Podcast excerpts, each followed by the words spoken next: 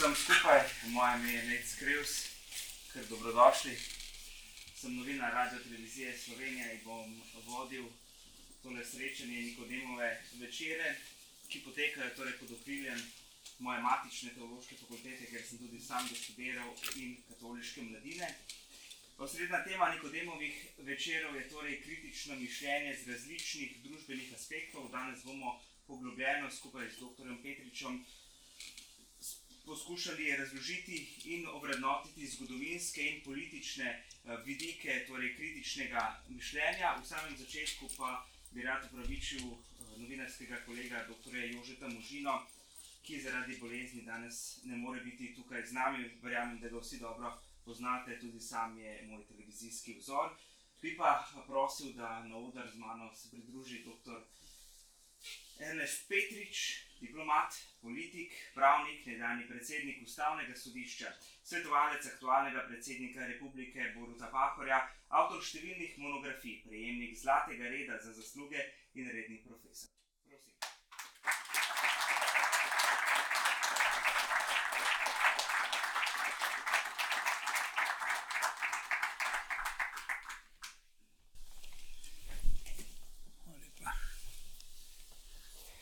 Če mi dovolite, bom zopiral, pa rekel, da mi je zelo žal, da Jože tam užine, mojega prijatelja, ni tukaj.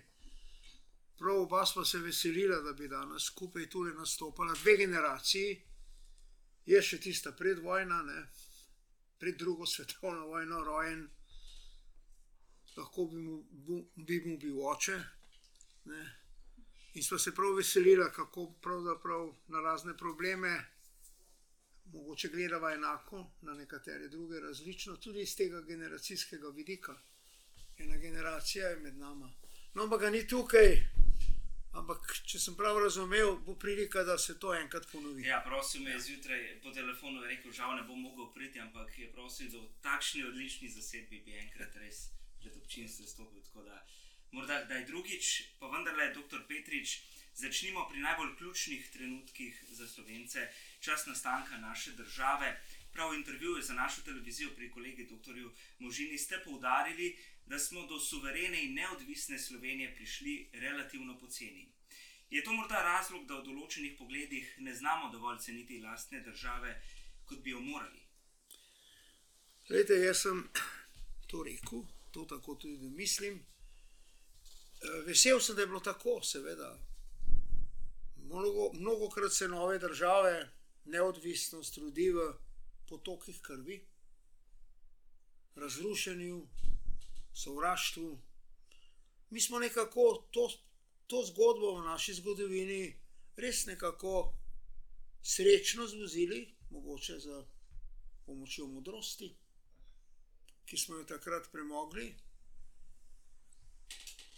Verjetno pa je ta dosežek, da smo dobili svojo državo takrat brez hudih žrtev, hvala Bogu, sem rekel že. Mogoče vplivalo na to, da nekako to, kar imamo, ne znamo ravno dobro ceniti, in nekako ne razumemo, da je ta mala država lahko zelo obdarjena z blagostanjem, varnostjo, vse pogoje imamo za to, da je pa to, seveda, predvsem odvisno od nas. In ko pravim, predvsem odvisno od nas, od nekega temeljnega spoznanja, da je to naša skupna država, za katero smo skupaj odgovorni, da smo v demokraciji, kjer na nek način, že po, kako bi rekel, po samem konceptu, bivajo skupaj različnosti, da različnosti bogatijo, ne zavirajo. Da je nam vse zadnje ta naš zahodni svet postal bogat, in je par stoletij vodil cel svet, čeprav je Evropa majhna, malo ljudi je bilo to, veliki imperiji so bili na Kitajskem, v Indiji, na Bližnjem shodu in tako naprej. Ampak 300 let, pa še nekaj več, so glavne ideje, glavna modrost, glavna spoznanja, posledično pa tudi moč, prispevale k temu, da je ta del sveta vodil tako rekoč prvič v zgodovini se je prej nekega svetovnega reda in imperija ni bilo, ampak Evropa je bila tista, ki je vodila In se človek, sam sem se večkrat tudi spraševal, zakaj. Odgovor je, vsaj za me, jasen. Sposobni smo bili sprostiti ustvarjalnost v različnosti. Evropa se je začela sproščati, absolutni, so, absol, ta, absolutni centralizem, monarhije je začelo popuščati, kreativnost ljudi, kot posledica tudi različnosti, je prihajala na plan, tekma, soočanje različnih idej, in na nek način je ta del Evrope upravičeno, ne samo z močjo, ne samo v gospodarskem in vojaškem pogledu, ampak tudi v duhovnem pogledu, 300 let vodil svet. In je zanimivo, to je zdaj že potem druga tema. Sam stavek bom rekel o tem, da ne zapeljem debato proč od vašega vprašanja. Ko pa se je začelo nekako po prvi svetovni vojni, klice tega so bile že prej, ko je po tistem razrušenju, po tistem razdejanju, ki ni bilo samo fizično, ki ni bila samo smrt zaradi bolezni in bojnega, na bojnem polju, ampak tudi smrt svobodne misli, začel pojavljati, začela pojavljati neka smer k totalitarnosti, ki ni bila samo v Nemčiji, v Italiji in Sovjetski zvezi, tudi v Španiji je bila. Tudi v Romuniji je bila, tudi v Bolgariji je bila, tudi v Jugoslaviji so bili elementi tega. Se mi zdi, da je začel, začela pot tega kontinenta v obratni smeri, navzdol, in na nek način smo še vedno na tej poti. Zdaj se bom postal.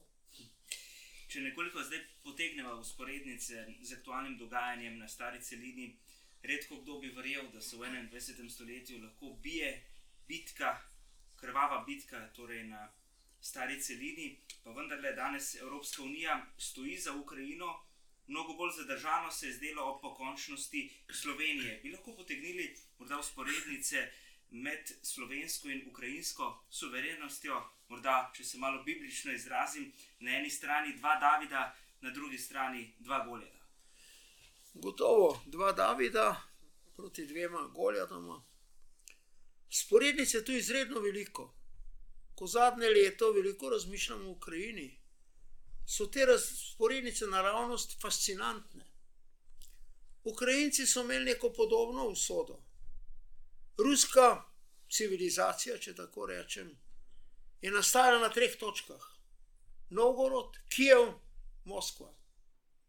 Na začetku in prvi veliki vzpon je bil Kijev ki so pretrgali Mongoli za svojim udorom v 13. stoletju, požgali Kijev, uničili tisto takrat prvo rusko državo, ki je imela sjajne stike z Bizancem in tako naprej. Malo vemo o tem, ampak to je bil nek center, bi rekel, ruske civilizacije. Novgorod, ne bom o tem govoril, potem pride tam v 15. stoletju Moskva, Nekje na obrobju je bila mongolska invazija, jo ni tako prizadela, ni bilo segla tako, bi rekel, stopne kulturne razvitosti kot recimo Kijev. Ampak prevlada je, prevladala je. In od tistega časa naprej je pravzaprav na nek način skozi tu neka določena tendenca zaustaviti, kako bi rekel, konkurenta Kijev kot center ruske civilizacije, če temu tako rečem. Zdaj, dogajalo se je zelo podobno kot recimo na Balkanu. Še tam v 19. stoletju se je v Moskvi na veliko razumelo in tudi dokazovalo, da Ukrajinci sploh niso narod. Da gre za neka podobna zgodba, je bila, kot da bi pri nas pojav irilizma. Tako kot smo mi irilizmu rekli ne, so takrat v 19. stoletju tudi intelektualci v Ukrajini, predvsem Tara Ševčenko, nekakšen njihov priširen, čop, ta krok, rekli ne. Ampak seveda moč Moskve, moč tega velikega centralno organiziranega imperija je bila taka, da je bila to nekako težka zgodba. Mnogi kijevci so sprejemali ruski jezik, ko pravim kijevci, mislim ta ukrajinski del. Ne. Ta razvoj je šel zelo podobno, bi rekel, našemu razvoju. Pride potem čas ruske revolucije, Veste, vsaka revolucija na nek način na začetku sprosti neke progresivne sile. Ampak, če gledamo zgodovino, pogosto potem retardira v nek totalitarni sistem. Takih primerov je veliko. Davno nekoč me je moj prijatelj, že dolgo je pokojen, predsednik takrat slovenske vlade, Stane Kavčič, vprašal, rekel: Ernest, ti kar naprej nekaj bereš. Povej, zakaj so vsi, vse demokratične revolucije na zadnje pristale v diktaturi? Sem rekel, veš, da ne vem, pa sem pa malo razmišljal o tem. Različne razlogi so za to, vas ne bom s tem obremenjeval. Ampak v tistem prvem naletu so Ukrajinci dobili svojo državo. Dve leti je trajala, potem jih je osvobodila Rdeča armada. Ampak to je bil nek korak, ko je pravzaprav začela se porajati neka resna, podobno, paralelno kot pri nas v Sloveniji, neka narodna zavest, nek občutek samozavesti. Na to je seveda centralna oblast reagirala, rusifikacija je bila včasih Sovjetske zveze velika, tudi nasilna in tako naprej. No, in potem se zdaj znajde ta ukrajinski narod po padcu Berlinskega zidu, končno dobi svojo državo, na nek način so imeli nekakšno federalno državnost v okviru Sovjetske zveze, bili so celo neodvisna, samostojna članica OZN, to je bil nek kompromis iz Jalte, ko je Stalin zahteval 16 sedežev v organizaciji Združenih narodov, 16 sovjetskih republik. Roosevelt in Churchill sta pa pristali na kompromis tri, tako da so bile Rusija, Sovjetska zveza kot taka, Ukrajina in Belorusija, članice organizacije Združenih narodov. Takrat je nastala zdaj ta državnost. In nekako, če gledam to, ne, če gledam te jugoslovanske zgodbe, srbo-hrvaški jezik, ne, vse tisto, kar se je dogajalo, potem pri nas skupna jedra in podobne zadeve, na nek način lahko rečem, da je bila tu nekšna precej podobna zgodba utiranja poti do samostojnosti in do samobitnosti ukrajinskega naroda, kot je bila slovenska. Seveda, mutatis mutantis, niso to mehanične primerjave. In zdaj zadnje, kar ste vi vprašali, še zadnja podobnost. Ko sem jaz odhajal kot veleposlanik bivše države v Indijo, Bivša država iz Indije je imela veliko sodelovanja na vojaškem področju. Kupovali so topovske cevi, ki so jih lili v ravnah, kupile za tanke, Indijci so to kupovali. Mi smo kupovali dele za mige in med temi poslovilnimi obiski, ki so za vele poslanika običajni, sem obiskoval tudi vam znanega gospoda oziroma tovariša, generala Kadeviča. To je bilo 89 leta, jeseni In ko sem odhajal, je rekel: A recite vi meni, ambasadore, se vproščam, kar Hrvaško povedal, šta ova deca v Sloveniji traži? Ko je deca, pa ona je Janša, pa ona je Trupel. Jaz sem rekel, generale, prvo niso to deca in stvari so ozbiljne, videti ćemo. Ajde, v redu, so se poslovila. Ne? Neko podcenjevanje. Takrat so oni mislili, malo se bomo stanki pripeljali proti Ljubljani, bele zastave, ampak Slovenci smo že po tistih odzem orožja, teritorijalni obrambi, tisti poizkus množičnega zavarovanja v Ljubljani, ki naj bi recimo mal bolj takratni slovenski režim vrgel. Jaz se spomnim, takrat sem bil funkcionar Lovske zveze Slovenije. Prištevali smo, koliko pušk imamo, čutiti je bilo neko pripravljenost, da se temu zoprstavimo. Železničari niso hoteli vagone preklopiti in tako naprej. Ne. Po teh dogajanjih je Slovenija nekako bila mentalno pripravljena na odpor in ga je tudi nudila. In to je velika stvar tiste generacije, ki je to uspela. In tisti tam, ki se niso lepo pripeljali do Ljubljana, ustoličili tu neki Miloševiču prijeten režim, In isto, garantiram, se je zgodilo v Moskvi. Generali niso rekli Putinu, seveda, zlahka bomo to naredili, zapeljali so se proti Kijevu, ampak potem so utičali in so zdaj tam, kjer so. in povzročajo nek velik problem, mogoče bo kaj rekla kasneje o tem, dilemo med silo in karibdo, sprijeti na zadnje, da bo agresor z nekim dobitkom iz tega išel, hud udarec za mednarodni red, hud udarec za, kako bi rekel, sodobno mednarodno ureditev, temelječo na mednarodnem pravu, kar je moja stroka. Drugo pa seveda tudi izredna pozornost, ki je potrebna, da s kakšnimi napakami ne zdrsimo v tretjo svetovno vojno. To je velik izziv za tale čas, za voditelje v Evropi, za voditelje v svetu. Neki prvi pozitivni znaki so. Nekaj mesecev nobenega pozitivnega znaka ni bilo, vse je bilo slabo. Prvi znak je mogoče, da je bil nekakšen, kolikor toliko produktiven dialog med Bidenom in Šijem, da pride do tega srečanja med Putinom in Bidenom, prej ali slej, zgleda, da je to dogovorjeno. Mogoče bo to dalo neko novo dinamiko, ampak vendarle, gre za veliko stvar. Svetovni red je nekako rušen in narušen že dolgo časa, tudi Krim je tu, pa tudi še kaj drugega, da ne bom naštel. Ne želimo imeti svetovni red, v katerem bo veljala pravica močnejšega. Ta agresija ne sme biti nagrajena, ampak seveda neka svetovna vojna je pot v apokalipso, je pot mogoče v konec civilizacije. Izredno velika modrost je potrebna od tistih, ki danes vodijo svet.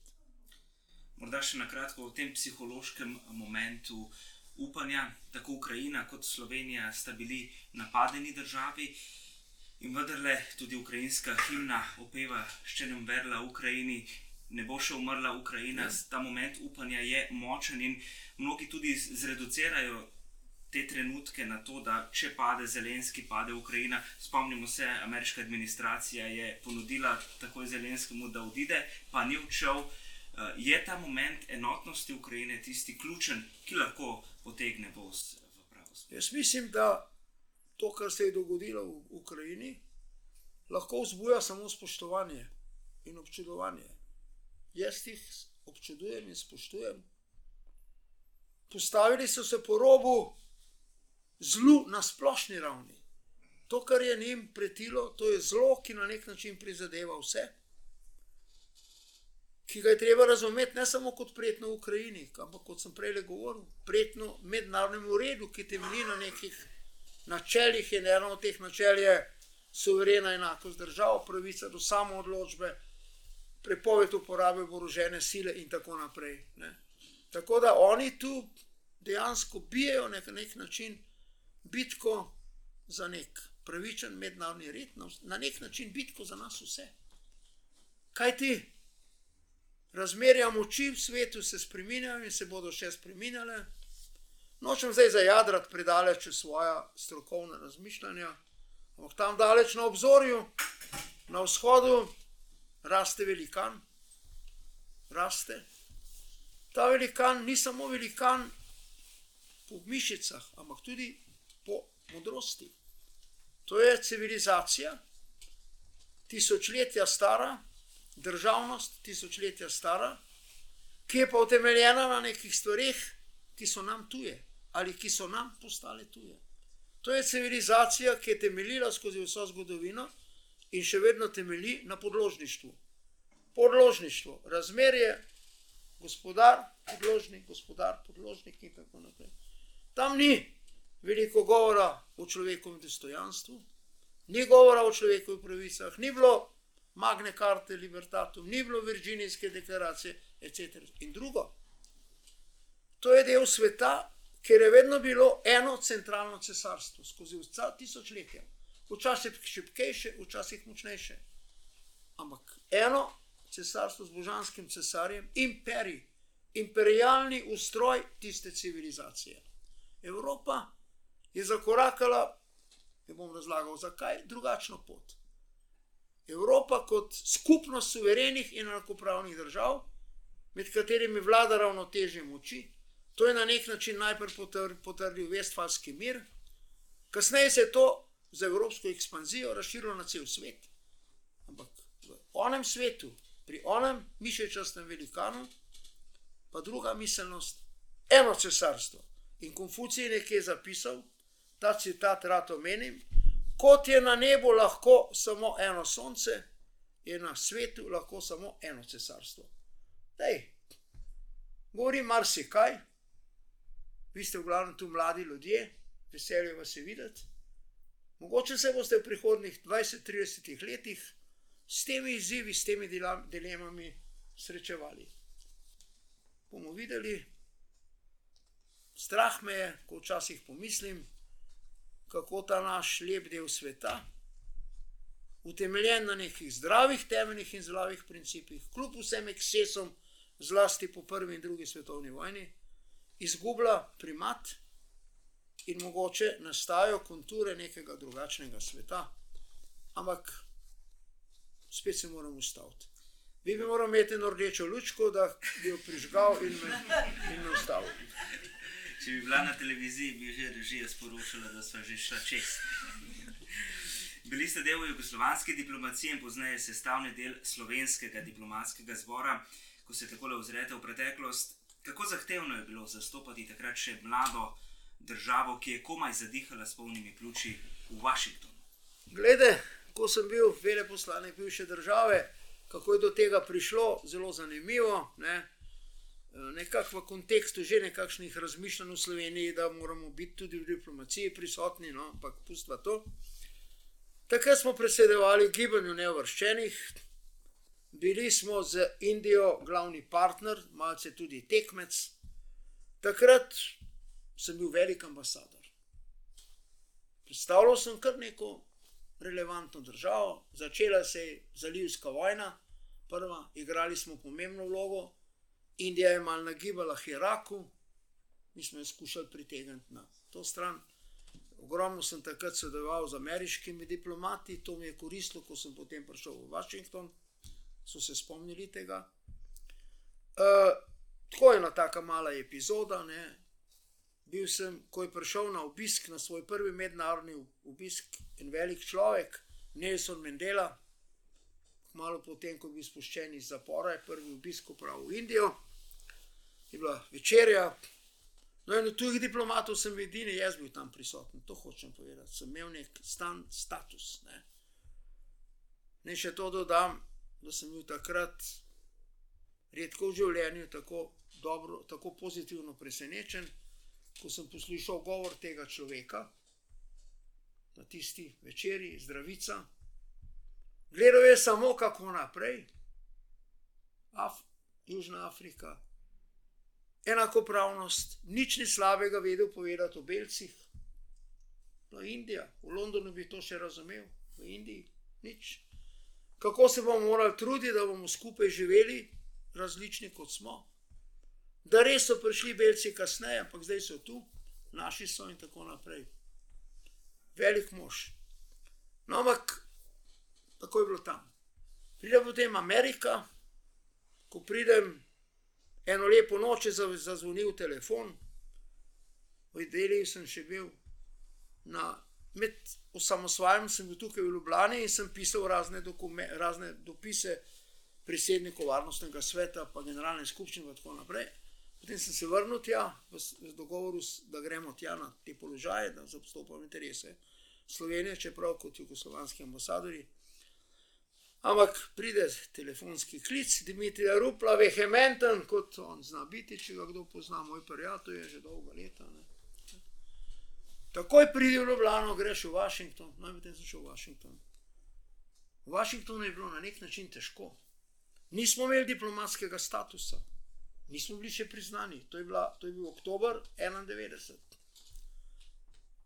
Bili smo brez veljavnih kreditnih kartic, z jugoslovanskim potnim listom, brez možnosti za kakšne kredite. Velike težave so bile za me in za mojo družino, ampak jaz, kadarkoli sem kam šel, sem vzel družino s sabo. To je na prvi pogled lahko breme, v resnici ti pa to pomoč.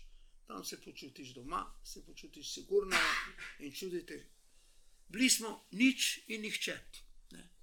Menjavali so nas včasih celo za Svazilandom, ampak bili smo zanimivi, ker nekako tudi v Ameriki so videli te neke prednosti Slovenije v tistem takratnem procesu.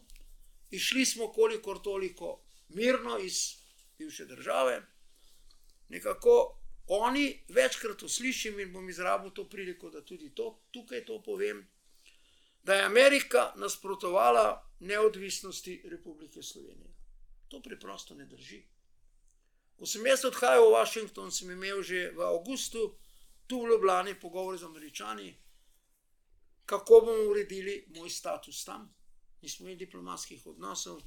Oni bi lahko rekli, ne, ko sem jaz tam prihajal v, Amer v Washingtonu, bi lahko rekli: Ne, kdo pa ste vi. Ne.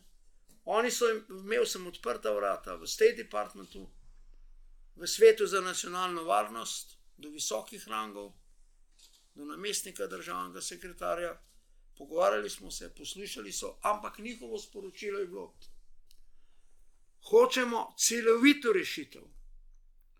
Tam je tudi Bosna, kjer bo tekla kri ki je ocenjevala 200 tisoč mrtvih v Bosni, niso se dobro zmotili, Kosovo in tako naprej. Počakajte, najdemo neko skupno rešitev za celoten problem, po možnosti na miren način. Jaz sem na to ponavadi odgovarjal, mi smo se odločili, mi gremo svojo pot. Tako kot ste vi v zgodovini vedno sledili vašemu nacionalnemu interesu, tako mu tudi mi sledimo našemu nacionalnemu interesu. In ta nam pravi, zdaj je čas za to, da uresničimo našo neodvisnost. Ampak hočem povedati, ni bilo z njihove strani, govor je bil: počakajte, vemo, vi boste neodvisni. Če kdo bo išel iz te Jugoslavije, kot neodvisna država, je to Slovenija. Vi nimate nekih teh povezav, nimate srpske manjšine, etc. etc. Tako da zdi se mi, da je prav in pravično, da to rečem. Ampak bilo je težko, ampak počasi smo uredili vse svoje probleme. Pa ne še to mogoče zaključiti z eno tako majhno anegdoto, uh, ki kaže, da nas slovence v svetu cenijo. Ko smo prišli tja, hči hotla v šolo, prvi razred je končala v Indiji, bi hotla v šolo. Nismo imeli stalnega prebivališča, bili smo v hotelu, za privatno šolo ni bilo denarja, za javno šolo si pa rabu rezidens. Bivali smo v tistem hotelu in potem končno dobimo eno hišico, ki se bi jo dalo najet, lušno.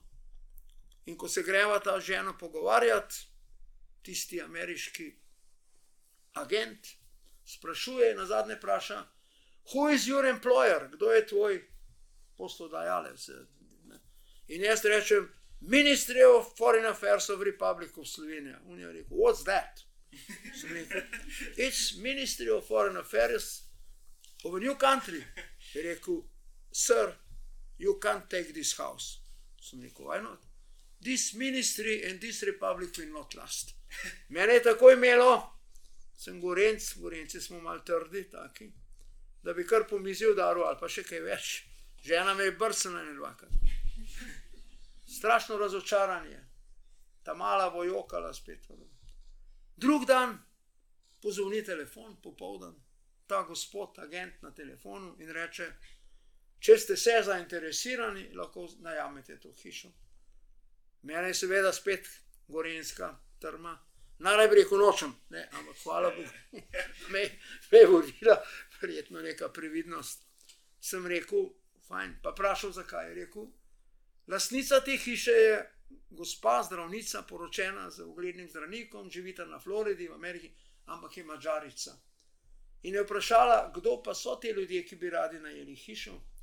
In ko sem rekel, so slovenci, je rekla: Slovencem pa rada odam, to so pa pošteni ljudje. Dej, bom pa še malce ciničen. Ne vem, če bi še danes rekel, to isto v nas. Doktor Petrič. Slovenci smo se plebiscitarno zelo enotno odločili, pa vendarle eh, zgodovina se zdi, da nam je za petami, oziroma z njo še nismo znali uh, se soočiti. Kakšen je vaš pogled na vprašanje sprave? Tu vas bo tegne mogoče malce razočarati. Moj pogled že takrat na začetku, ko je tam leta 88-89 začela v tem prva gospa Spomenka Hribar na fakulteti, jaz sem bil takrat dekan na fakulteti, sem se seveda z njo tudi veliko pogovarjal. In sem imel mogoče malce drugačno mišljenje, ki ga bom iskreno povedal. Glede, prej sem rekel, jaz sem še predvojna zgodba. 45 let sem že marsikaj do, dojel, kar se je dogajalo, tudi zelo tragičnega med družinami, kjer so bili moji prijateljčki iz tistega časa. Tako da se mi je zdelo, da je bilo tisto, kot se je takrat začelo, malce naivno. Bom tako le povedal. Če bi se meni ubilo mojo mati, in poznam veliko takih primerov, ko se je kom, nekomu ubilo mati v tistem času, ne? zelo tragičnih. Bi hotel vsaj vedeti, če se je ubilo zato, ker je menda bila izdajalka. Kaj je tega gro, tako groznega ona storila? To, nikoli, to se ni nikoli zvedlo. Imel sem prijatelja, zelo intimni prijatelji smo bili, to gospod so 45 let spomladi ubili pri žegnanem študentu tam na Tržičem, če kdo tam doma to pozna, v petem mesecu nosečnosti. In zdaj nekako verjeti po vsem tem, kar se je dogajalo. Zelo sem cenil gospoda Naškofa Šustarja. On je imel izjemen ugled v Ameriki. Washingtonski kardinal Hiki ga je smatral za svojega prijatelja. Lahko smo ponosni na njega in jaz sem ponosen na njega. Ampak ta predstava, da zdaj si pa stisnemo roke in je vse pokrito, zdaj se imamo pa radi. Mislim, da je to tako rekoč neuresničljivo. Mislim, da ljudje še vedno, kar se tiče sprave, pričakujejo na nek način, predvsem resnico. Kaj se je zgodilo? Je moj brat, hipotetično, ne? nimam brata, ki je bil ubit, ker je bil na strani izdajalca, je bil res izdajalec. Če je bil res izdajalec, je ena zgodba. Če bil pa ubit kar tako, je pa druga zgodba. Tako da se mi je zdelo, da tisto, ki se je takrat začel ta proces, simbolično, zdaj se pa objamemo, včeraj smo se streljali, zdaj se objavljamo, radi, da to ne bo šlo tako zlahka. In moram reči, da žal, jaz bi rad videl, da bi bili Sloveni, Slovenci spravljeni, se skozi pridegam, povežemo Slovenijo in te rečine, ampak sem nekako že takrat menil, da bo to šlo stežka in gre stežka.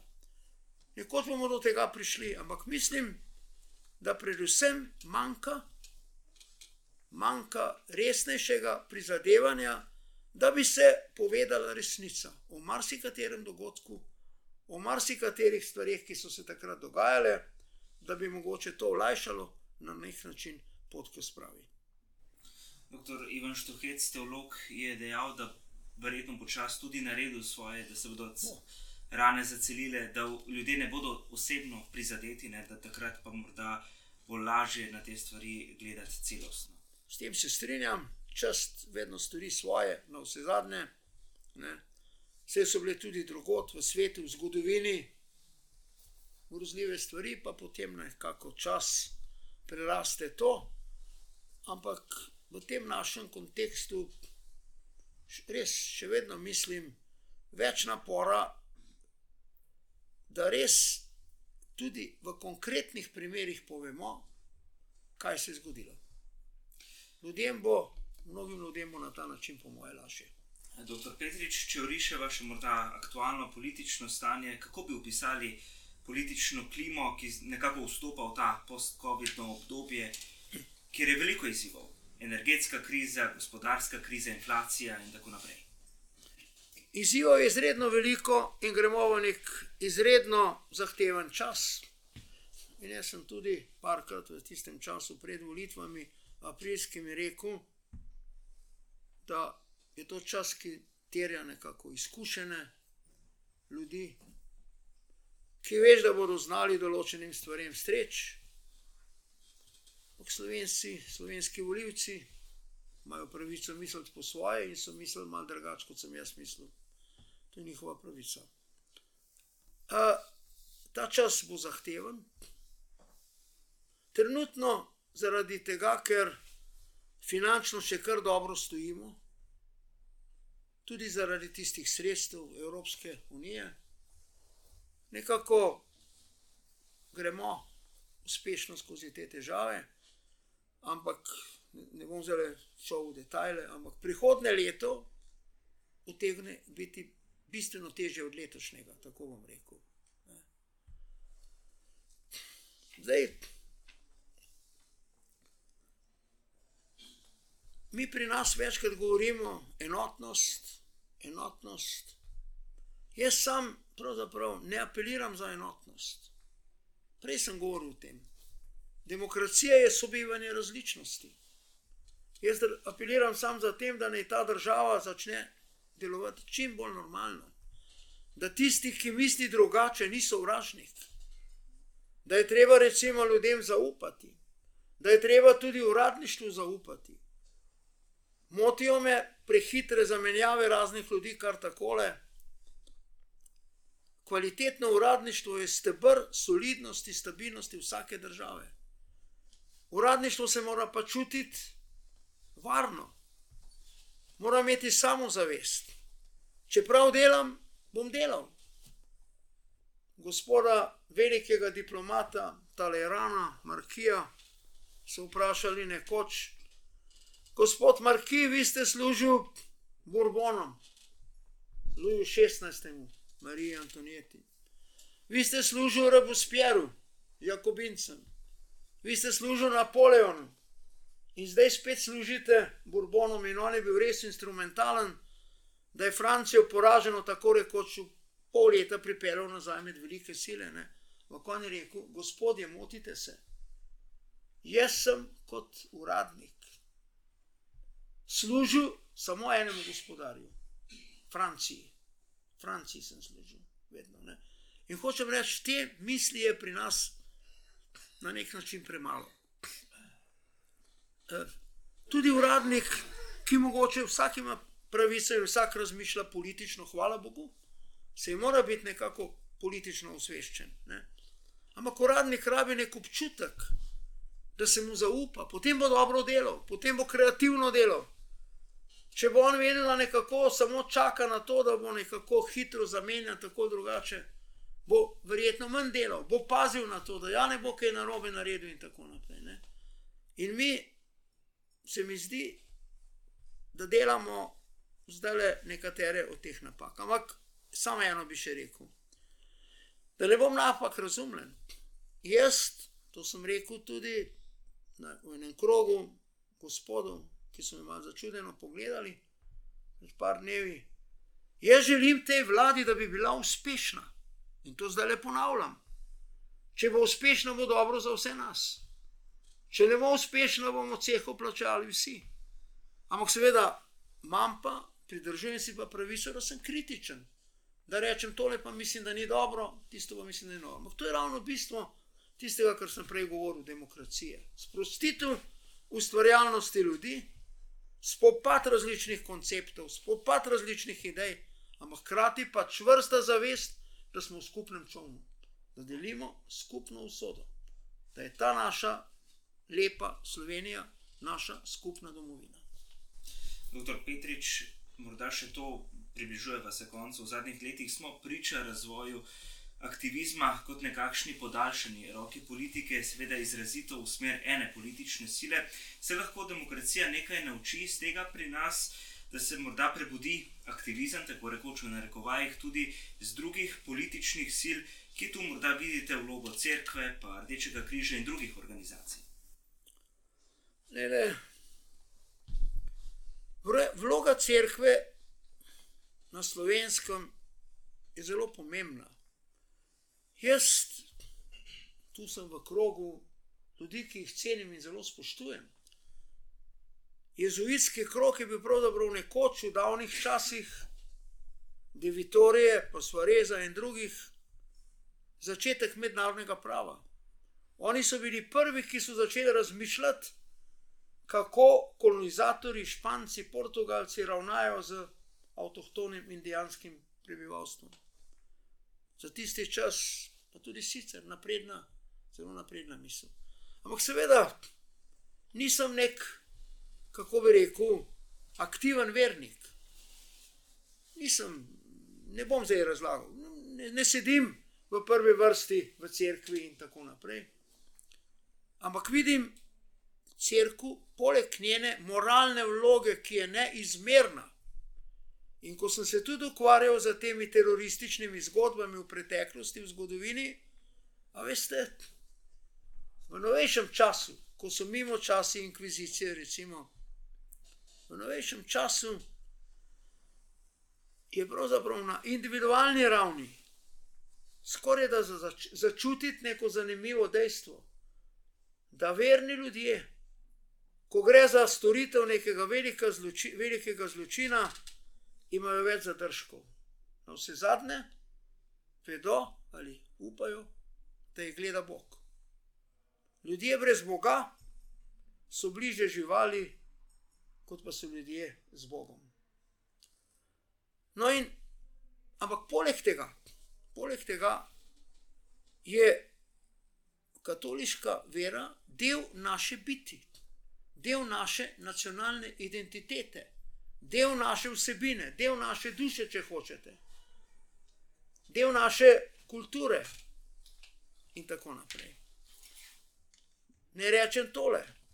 V zadnji ustavni odločbi, ki sem jo pisal kot ustavni sodnik, je šlo za ustavno pritožbo nekoga, da je protiustavno, da so dela prosti dnevi samo krščanski prazniki, Božič, Velika noč, nebovzetje, in da niso tudi prazniki Ramadan in tako naprej. Jaz sem tisto odločbo pisal, da je to neenakopravno, da je to diskriminacija. In sem jo utemeljil ravno na tem, kar sem pravkar govoril. Utemeljil, da to ni nič protiustavno. V Sloveniji je ta krščansko-judovska in tako naprej tradicija del naše samobitnosti, to je naš značaj, to smo mi. Evropska unija je konec Brez tega-. Brez tega mi nismo to, kar smo, ne? brez teh vrednot. In zato to ni nobena diskriminacija. No. Jaz vidim izjemno veliko in pomembno vlogo, mogoče še toliko v bodoče, v vseh teh predstavah o integraciji, migracijah, selitvah, etc., etc., tega, te slovenske rimokatoliške cerkve. Zdaj, zadržal sem, da je karkoli rekel o njeni politični vlogi. Ne bom nič na to o tem rekel. Kar se tiče Rdečega križa, gotovo, sjajna organizacija, pomembna, ampak verjetno za njeno dejavnost najbolje, čim dlje od politike, tem boljše. In ono tretje, je pa kaj je bilo, sem pozabil, rimsko-katoliška cerkev. Pa v bistvu in druge organizacije. In druge organizacije, mislim, da je v Sloveniji, in to je bilo zelo zanimivo v zadnji volilni kampanji. Pravzaprav večkrat je bilo rečeno in večkrat je zavenelo, da je tisto, kar je pravzaprav normalni del demokracije, pravzaprav nekaj slabega. Če si član neke stranke. Jaz nisem član zdaj nobene stranke. Takrat na začetku so me mladince pregovorili, so prišli k meni in so rekli, radi bi imeli enega zrelega človeka med nami. Sem rekel, ajde pa me upišite. No, pa sem me upisal, to je pač ozinjen. Kakorkoli že. Eh, eh, proč? Ne? Pri nas pa se dogaja, da nekako se nevladne stran, eh, organizacije nekatere močno politi, politizirajo. Na vse zadnje, to pa je, da nekdo, predsednik ali podpredsednik neke stranke, je pa tako rekoč problem- problematično, je nekako manj odvisen. Jaz pa mislim, da je to čisto dobro, če je nekdo politično angažiran, tudi v stranki, to je transparentno, to se ve, kaj je, kje stoji in tako naprej, kaj dela. pa če že mogoče ni dobro, zanesljivo ni nič slabega. Veliko slabše je, če nekdo trdi, jaz pa nisem v nobeni stranki, presneta reč, potem kar pa on govori, potem kdo ga podpira, kje stoji in tako naprej, je pa seveda razvidno čisto nekaj drugega, da je še kako politično, rekel, aktiven, politično obarvan, kar ni, ponavljam, nič slabega. Ne, torej, ampak nevladne organizacije naj bi bile res nevladne organizacije. Pa je hitro zabrisena ta sled med nevladnim in vladnim. Doktor Petrič, če končava morda pri kritičnem mišljenju, sami ste profesor, kako kritično mišljenje nekako potegnete iz študentov, kako ga izvlečete, glede na to, da morda slovenski izobraževalni sistem do preteklosti, sam lahko iz svoje izkušnje povem, da pri zgodovini nisem prišel do osamosvojitve, niti do poglavja osamosvojitve. Skratka, um, kako gledate na to, da bi iz izobraževalnega vidika potegnili kritično mišljenje na naše rodove? To je predvsej odvisno od samih pedagogov, seveda veliko odvisno od tega. Jaz sem bil zelo srečen, ko sem še, ko sem davno nekoč učil mednarodne odnose, imel možnost, da sem postavil en predmet, aktualni problemi mednarodnih odnosov, ker sem izbral samo 14 študentov, imeli smo po 12 ur na teden, vaje, debate, od tedna do tedna so po ameriškem modelu pisali papers, pa ustne nastope, pa tako naprej. Skozi ta sistem študija mednarodnih odnosov je šel tudi naš sedajni predsednik, Boris Pakor. In najbolj sem bil vesel, enkrat, ko je na enem, enem krogu nekako rečil: In veš, Ernest, zdaj se tikava. Največ, kar si nas naučil, je to, da si nam ubil v glavo, naj mislimo svojo glavo.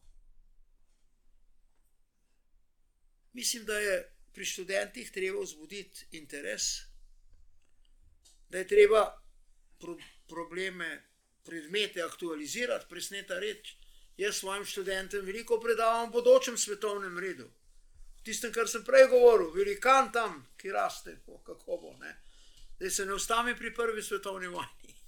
Je bilo verjetno ne ravno posebej produktivno, ampak težko bi kaj več rekel o tem. Uh, jaz rad študente, tudi ko sem bil sodnik na ustavnem sodišču, naj tole rečem. Jaz sem vedno pristopal k zadevam na ta način, da sem strokovnim sodelavcem, ponavadi ima še enega ali dva strokovna sodelavca za, za zadevo, rekel: naredite razsodbo, kot vi mislite. Moji mnogi kolegi so povedali, kako oni mislijo, pa naj oni v to smer stvar razvijajo. Ne. Jaz sem ponavadi rekel, skoraj vedno je bil to moj princip. Sem rekel, vi naredite, jaz pa sam razmišljal, kako bi jaz to naredil. Ker se mi zdelo, da je to nek korektiv tistemu, o čemer sem govoril, notranja neodvisnost. Ne spomnim se, ne vem, da bi kdaj na ustavnem sodišču kdo pritiskal na nas. Nikoli. Name pa tudi noben sodnik ali sodnica se mi ni pritožil, tako da šte. Ampak zelo pogosto sem pa opažal tisto, o čemer sem rekel, notranja neodvisnost. Nekako že naprej sem vedel, kako bo ta in ta na stvar pogledal in kako jo bo razsodil. Zaradi njegove, zato ker sem ga poznal, ker sem vedel, kako politično misli, sem tja. E, pri takih položajih, kot je recimo ustavni sodnik, se moraš zavestno na nek način odmakniti in zavestno vzpostaviti eno distanco in si skušati reči: pazi, pazi, pazi. Mene vleče v to smer, presneta reč. Ampak počakaj, razmisli. In zato, recimo, na ustavnem sodišču sem bil tudi pri kakšnem imenovanju ne ravno najbolj navdušen. Ni dobro, da so tam borci.